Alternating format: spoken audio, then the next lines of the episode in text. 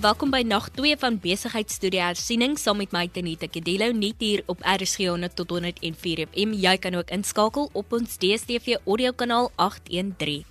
Gisteraand het ons begin met Besigheidstudie Hersiening en Lester Momberg, senior kurrikulumbeplanner vir Besigheidstudie, het eksamenwenke met ons gedeel en ook verduidelik wat leerders kan verwag in die twee vraestelle. Lester sluit weer by ons aan vanaand en gesels oor die uitdagings wat leerders ondervind by vraestelle hoe leerders daarop kan verbeter en ons kyk 'n bietjie ook na die algemene foute wat hulle maak en hoe hy kan help om dit te verhoed. Kompas, jou loopbaanrigtingaanwyser op RSG. Nou kom ons kyk of watter beginsels word toegepas wanneer jou antwoorde geassesseer of gemerk word. Daar's drie scenario's. In sekere vrae gaan jy net 1 punt kry. Nou wat bepaal of jy 1 punt gaan kry of nie? Die bepalende faktor daar is die aksiewerkwoord. 'n ander vraag, jou antwoorde sal met gesplete punte of gedeeltelike punte nagesien word. Ek noem dit die 1 + 1 punt. En nou weer daaroor praat later. En die derde scenario is waar jy twee punte kry vir jou antwoord. So eerstens jy kry 1 punt, tweedens jy kry 1 + 1 wat ook 2 kan wees en dan derdens kry jy 2 punte vir jou antwoord gebaseer op die aksiewerkwoorde. So kom ons kyk gou. Wanneer word 1 punt toegeken? Mag tog 'n lys van hierdie volgende aksiewerkwoorde graad 12 leerders. Indien die vraag van jou verlang om die volgende te doen, om te identifiseer, om te lys, te noem of te gee, dan kry jy net 1 punt vir jou antwoord. Byvoorbeeld, as hulle vir jou vra, noem die vier komponente van korporatiewe maatskaplike verantwoordelikheid. Nou jou antwoord sal natuurlik wees die omgewing, etiese maatskaplike beleggings, gesondheid en veiligheid en korporatiewe bestuur. Vir elk van daardie antwoorde sal jy 1 punt kry omdat die aksiewerkwoord was noem en vernoem word met 1 punt toegeken. Kom ons kyk of wanneer word gedeeltelike nasien of gesplete nasien gebruik. Dit is daar die 1 + 1 punt. In hierdie geval word 1 punt toegeken vir die feit en 1 addisionele punt vir die verklaring of die regverdiging van die feit. So kom ons skryf gou die volgende neer: die aksiewerkwoorde wat gevra word in terme van wat jy moet beantwoord. Nommer 1: As jy jou vra om te beskryf, verduidelik, onderskei, bespreek, analiseer, evalueer, vergelyk, tabuleer, motiveer dan word daar twee punte toegeken, maar die gedeeltelike of die gesplete nasien beginsel word toegepas. So vra wat jy kan vra om jou daardie addisionele punt te gee is die volgende: Wat? Hoe? Hoekom? Vir wie? Wanneer? Kom ons kyk na 'n voorbeeld. Verduidelik hoe 'n onderneming tyd en moeite kan bydra om die welstand van die gemeenskap te verbeter aksiewerkwoord daar is verduidelik. So nou weet julle, dis nie een punt nie, twee punte word toegeken, maar dit is gesplete nasie. Die voorgestelde antwoord sal soos volg wees. Nou hulle wil weet verduidelik hoe onderneming tyd en moeite kan bydra om die welstand van die gemeenskap te verbeter. Besighede moet die algemene lewenskwaliteit van hul gemeenskap verbeter. Nou baie keer skrywe leerders daardie antwoord Maar hulle kry net een punt daarvoor. Want die aksiewerkwoord was verduidelik en daar is twee punte en die gesplete nasien begin so word toegepas. So nadat jy daardie feit neergeskryf het, kan jy daar 'n vraag vra. Hoe kan hulle dit doen? So onthou jy het geskrywe besighede moet die algemene lewenskwaliteit van 'n gemeenskap verbeter. En die vraag wat jy vra is hoe kan hulle dit doen? En die antwoord is deur in onderwys te belê en daar kry jy die addisionele punt. Tweedens, hulle moet weerhou van skadelike sake praktyke. Hoe kan hulle dit doen? Die antwoord is dan deur nie onwettige middels te verkoop nie. Natuurlik, jy gaan nou nie hoe neerskryf in daardie sin nie. Daardie hoe en die wat en die waarom is net om jou te help om daardie addisionele verklaring van die feit neer te skryf. Nommer 3. Neem etiese korrekte besigheidsbesluite. Waarom? Sodat verbruikers nie mislei word deur onbillike advertensies nie. Skenk geld aan 'n gemeenskapsprojek Waarom? Om die gemeenskap op te hef. Voorsien ontspanningsfasiliteite. Waarom? Om gesonde aktiwiteite te bevorder. Nou leerders hierdie gesprek en asien is ingestel 2015, maar omdat leerders nie daardie tweede punt kry nie, was daar 'n drastiese afname in die kwaliteit van die slag van ons leerders omdat hulle nie die volpunte gekry het vir baie van hierdie vrae wat in die vraagstel verskyn nie. Die laaste scenario is wanneer twee punte toegeken word vir die antwoord. Nou twee punte word toegeken indien die volgende aksiewerkwoorde in die vraag verskyn: klassifiseer, stel voor, adviseer, motiveer, ondersteun, maak aanbevelings. Dan word twee punte toegeken. Byvoorbeeld, maak aanbevelings oor strategieë wat gebruik kan word om die werkloosheidsyfer die hoof te bied.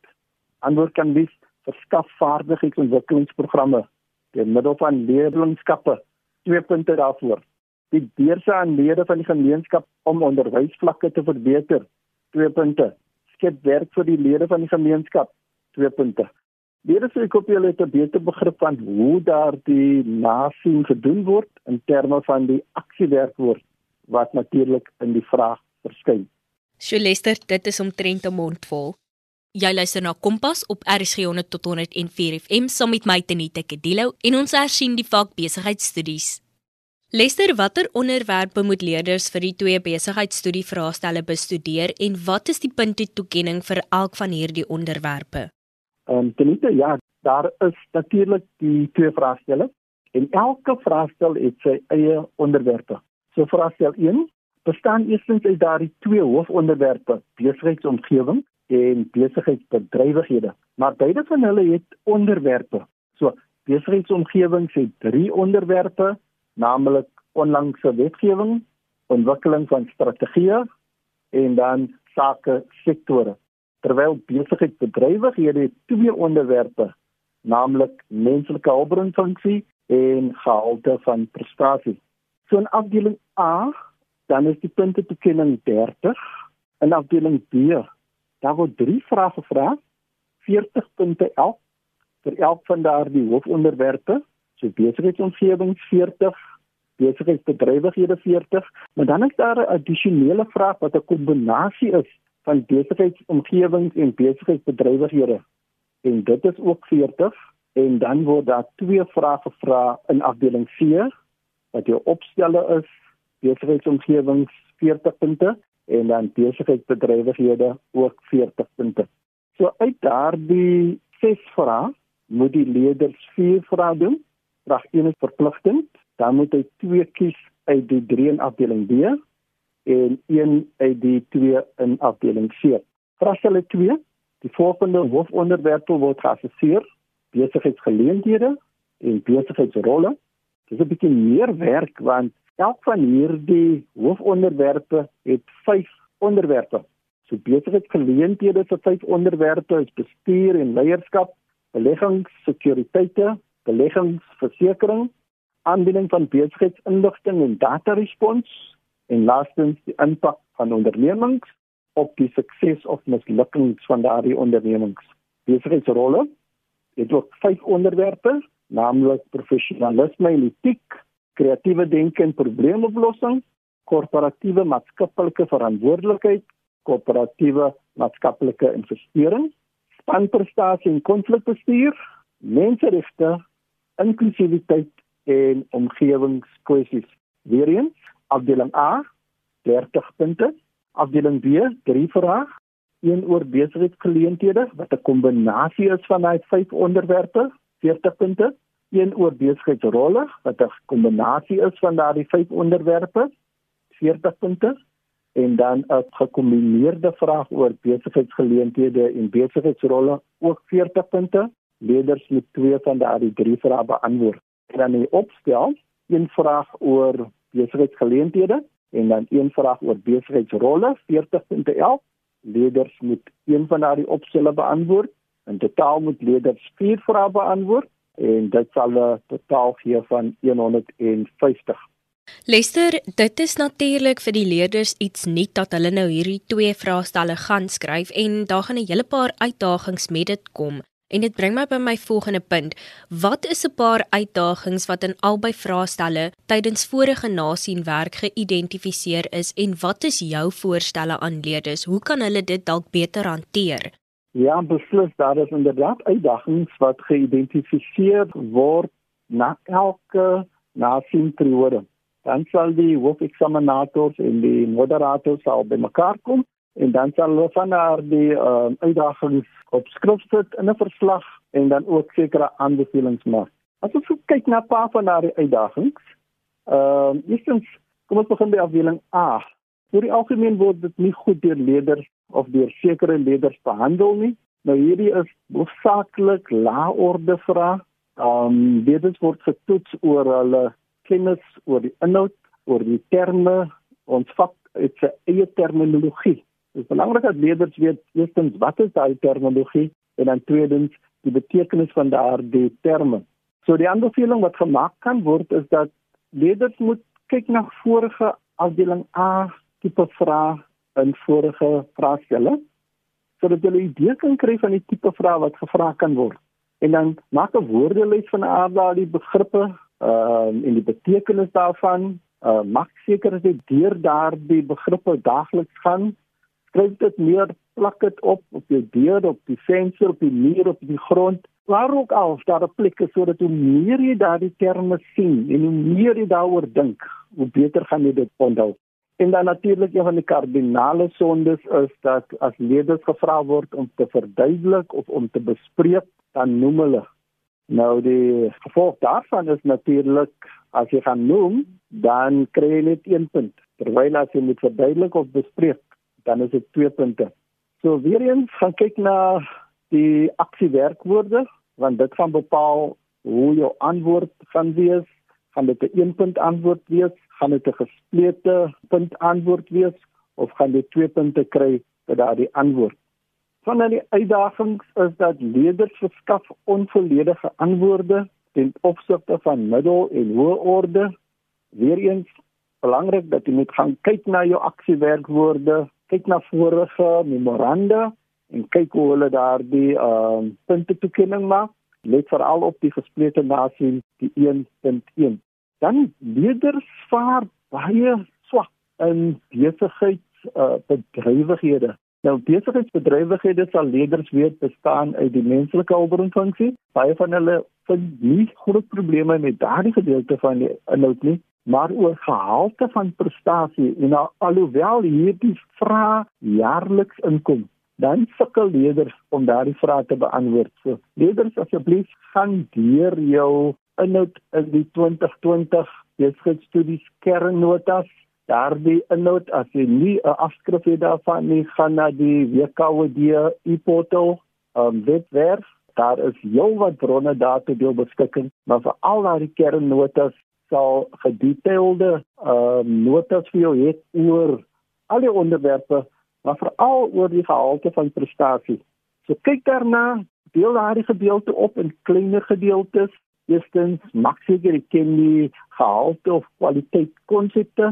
Wees bewus daarvan ehm uh, dat hulle kan jou vra oor die gehalte aanwysers en dan derdens kyk na die totale gehalte bestuur dan een van die uitdagings wat ons ondervind met die skrywe van die opstel is dat baie kandidaate sukkel om die oorspronklike en aktuelle voorbeelde van nuutste ontwikkelinge oor die onderwerp te gee. Twee punte word hierdeur verloor omdat daar geen bewyse is van oorspronklikheid in die beantwoording van die opstelvraag nie. So die ander ding wat gemaak word is maak 'n punt om op hoogte te bly van die jongste sake nuus. Kyk na die sake gedeelte van die TV en TV nuus of op die radio, lees koerante, doen navorsing op die internet sodat jy vertroud kan wees met onlangse ontwikkelinge in spesifieke onderwerpe. En Lester, wat is van die algemene foute wat leerders maak in die beantwoording in vraestel 1 en dan kan jy ook vir ons leerders advies gee oor hoe hulle hierdie vrae moet benader en beantwoord? Ja, beslis. Natuurlik, ehm uh, is daar sekere algemene foute uh, wat leerders maak in beantwoording van daar die verskillende vrae in die verskillende besigheidsomgewings of daar die verskillende hoofonderwerpe. So ek gaan hier baie verwys na die kernnotas. Dit is beskikbaar in twee afdelings. Die vraagstel 1 wat die inhoud bevat oor besigheidsomgewings en besigheidsbedrywighede en dan vraagstel 2 wat die inhoud bevat oor besigheidsgeleenthede en besigheidsrolle. Nou as ons eers kyk na die besigheidsomgewings, die tipe diversifikasie strategie. Leerders sukkel om die tipe diversifikasie strategie te noem en dan sekere van hulle verwar diversifikasie strategie met die integrasie strategie. So hulle het 'n probleem daarmee die diversifikasie strategie. Nou as jy kyk op bladsy 34 tot 36 van die kernnotas, dan word daar die verskillende strategieë vir jou mooi uiteengesit. Die diversifikasie strategie is konsentriese, horisontale en dan ook konglomeraat strategie. Dit is belangrik dat leerders verwys na praktiese voorbeelde om hulle te help ten opsigte van die verskillende besigheidsstrategieë. As ons kyk na die rol van die CETAs, kandidate vind probleme om hierdie rol of die funksie te verduidelik. Uh, hulle verwar die rol met die doel of voordele van die wet op vaardigheidsontwikkeling en sommige antwoorde fokus verkeerd op die befondsing van CETAs. As ons kyk op bladsy 6 van die kernnotas, dan word daar die rol van die CETA baie goed aan jou verduidelik. Hulle moet verslag doen aan die direkteur-generaal, bevorder en stig leierskappe, versamel heffings en betaal toelaas soos benodig. So daar kry jy 'n goeie idee van wat die rol of die funksies is. Leerders moet ook weet dat die CETA is die implementeerders van die wet op vaardigheidsontwikkeling. Seeters bied nie opleiding aan en dis baie een van die antwoorde wat leerders altyd skryf. Hulle bied opleiding aan. Leerders, dit is nie een van hulle rolle nie. Hulle moet net seker maak dat die wet op vaardigheidsontwikkeling geïmplementeer word. Dan het die leerders sukkel so met die um, bepalinge van die wet op basiese voorwaardes, veral met opsigte van gesinsverantwoordelikheidsverlof. Baie kandidaate skryf slegs die naam gesinsverlof. Natuurlik is dit verkeerd. Die volledige naam moet aangedui word, gesinsverantwoordelikheidsverlof. Ander kon nie die jaarlikse verlof uit scenario's of stellings identifiseer nie. Nou as jy kyk op bladsy 13 van die kernnotas, dan word daardie bepalinge vir jou baie netjies uiteengesit. Werkure, oortyd en dan praat hulle van die verskillende tipe verlof. Jaarlikse verlof, siekteverlof, kraamverlof, gesinsverantwoordelikheidsverlof. So as leerders nou deur hierdie notas gaan dan hulle beslis die verskille van daardie notas kan bepaal. Dan die doel van die wet op arbeidsverhouding baie swak beantwoord. Ehm um, leerders verskaf antwoorde wat te doen het met die funksies van vakbonde. Dit is natuurlik graad 11 werk en ander praat weer van die regte van werknemers volgens die wet op arbeidsverhoudinge. Sommige leerders het die vraag verwar met die doel van die wet op gelyke indiensneming. Met daardie inhoud kry jy op bladsy 8 van die kernnotas die algemene inligting of raad wat ons vir hulle kan gee. Kyk na die wet op arbeidsverhoudinge binne die raamwerk van die verhouding tussen die werkgewers en organisasies en nie deur die funksies van die vakbonde nie. Die hoofdoel van hierdie wet is om vrede in die werkplek te bevorder eerder as om te fokus op uitsluiting en stakings. Dan het leerders gesukkel om die regte van verbruikers soos uiteengesit in die wet op verbruikersbeskerming korrek aan te dui. Daardie inligting kry jy op bladsy 24 van die kernnotas. So wat is van daardie regte van die verbruikers in terme van die wet op verbruikersbeskerming? Aansoek om krediet en vry van diskriminasie, daardie reg kry redes vir die weiering van krediet, billike en verantwoordelike bemarking, ontvang inligting in 'n eenvoudige en verstaanbare taal, ontvang dokumente soos vereis deur die wet. Dit is belangrik dat jy hulle die verskil moet weet tussen die wet op verbruikersbeskerming en die nasionale kredietwet. Dit sal jou betere begrip gee van die verbruikersregte soos van toepassing op daardie twee wette. As ons kyk na besigheidsbedrywighede, wat sê algemene foute daar? Daar in terme van die bronne van eksterne werwing. Baie kandidate kan nie die bronne van eksterne werwing noem nie. Ander verwys na die menslike hulpbron aktiwiteite. Ander het antwoorde herhaal deur irrelevante voorbeelde te gebruik. Nou leerders let veral hierop by die bronne van eksterne werwing. Sekere voorbeelde van eksterne werwing val onder dieselfde kategorie en punte sal verloor word indien dit herhaal word. Daardie bronne van eksterne werwing Ons kry dit op bladsy 49. Nou ek het gesê dat sekere van die eksterne werwing val onder dieselfde kategorie en punte sal verloor word indien dit herhaal word. Byvoorbeeld, as jy net vra die bronne van eksterne werwing, hulle vra vir jou vyf bronne en jy skryf neer: sosiale media, sosiale netwerke, internet, besigheidswebwerwe. Nou dan noem jy vier. Maar omdat almal van hulle val onder een kategorie, naamlik naamlik sosiale media dan sal jy net een punt kry. Of as jy skryf elektroniese media, radio, TV, jy gaan net een punt kry. Want radio en TV val onder elektroniese media. So maak seker dat jy die regte eksterne bronne skryf en nie net voorbeelde daarvan nie.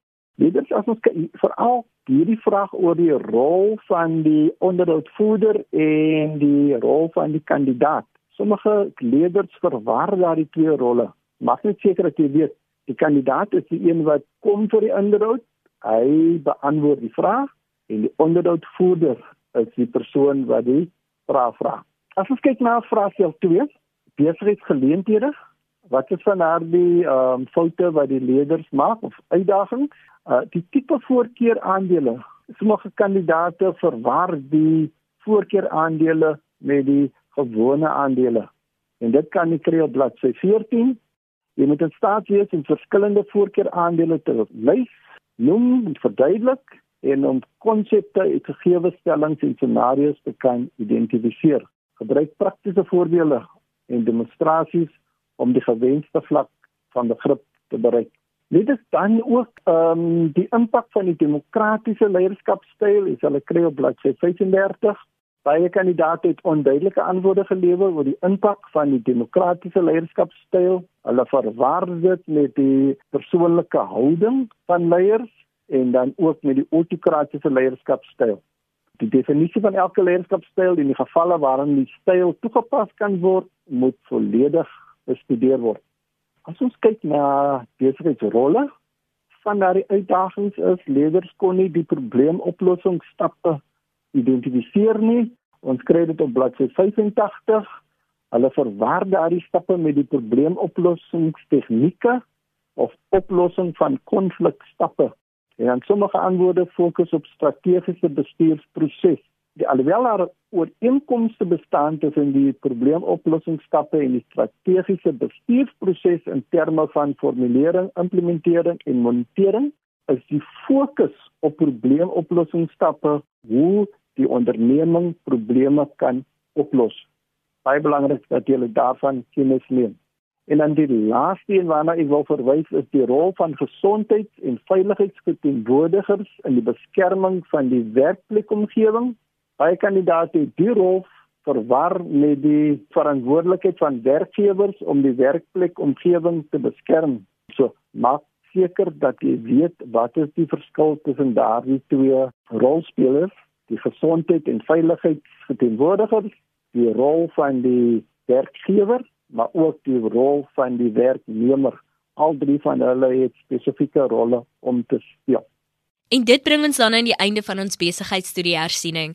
Baie dankie Lester dat jy saamgekyer het en in die proses 'n paar graad 12 gerus gestel het. Dankie aan ons luisteraars dat julle ingeskakel het. Onthou indien jy enige navrae of terugvoer van finansiële program het, kan jy SMS stuur na 45889 teen R1.50 per SMS of 'n e-pos na kedeloutz@sabc.co.za. Kompas word aan jou gebring in samewerking met SABC Opvoedkunde en die Wes-Kaapse Onderwysdepartement. Jy kan ook die WKOD se webtuiste by wcedeportal.co.za besoek en dan ook na SABC opvoedkunde se Woza Matrieks kyk. Is jy op soek na 'n sappige storie om te deel? Wel, hier is een vir jou. Woza Matrieks is hier om te help met matriekhersiening in Oktober en November vir 4 uur per dag, 7 dae per week op SABC3 vanaf 8 tot 10 in die oggend en 'n tweede sessie vanaf 1 tot 3 in die middag op OpenView, DStv Catch-up kan jy na lesse en eksamenwenke kyk of luister vir 10 matriekvakke. Moenie wag tot dit te laat is nie. Kyk nou en beplan jou TV-skedule rondom Woza Matrieks. En daarmee met die Kompas span dan groet vir vanaand. Percy Mogale was ons regisseur. Ek en jy kuier en klets weer môre aand saam. Tot dan van my Tenita Kadelo. Totsiens.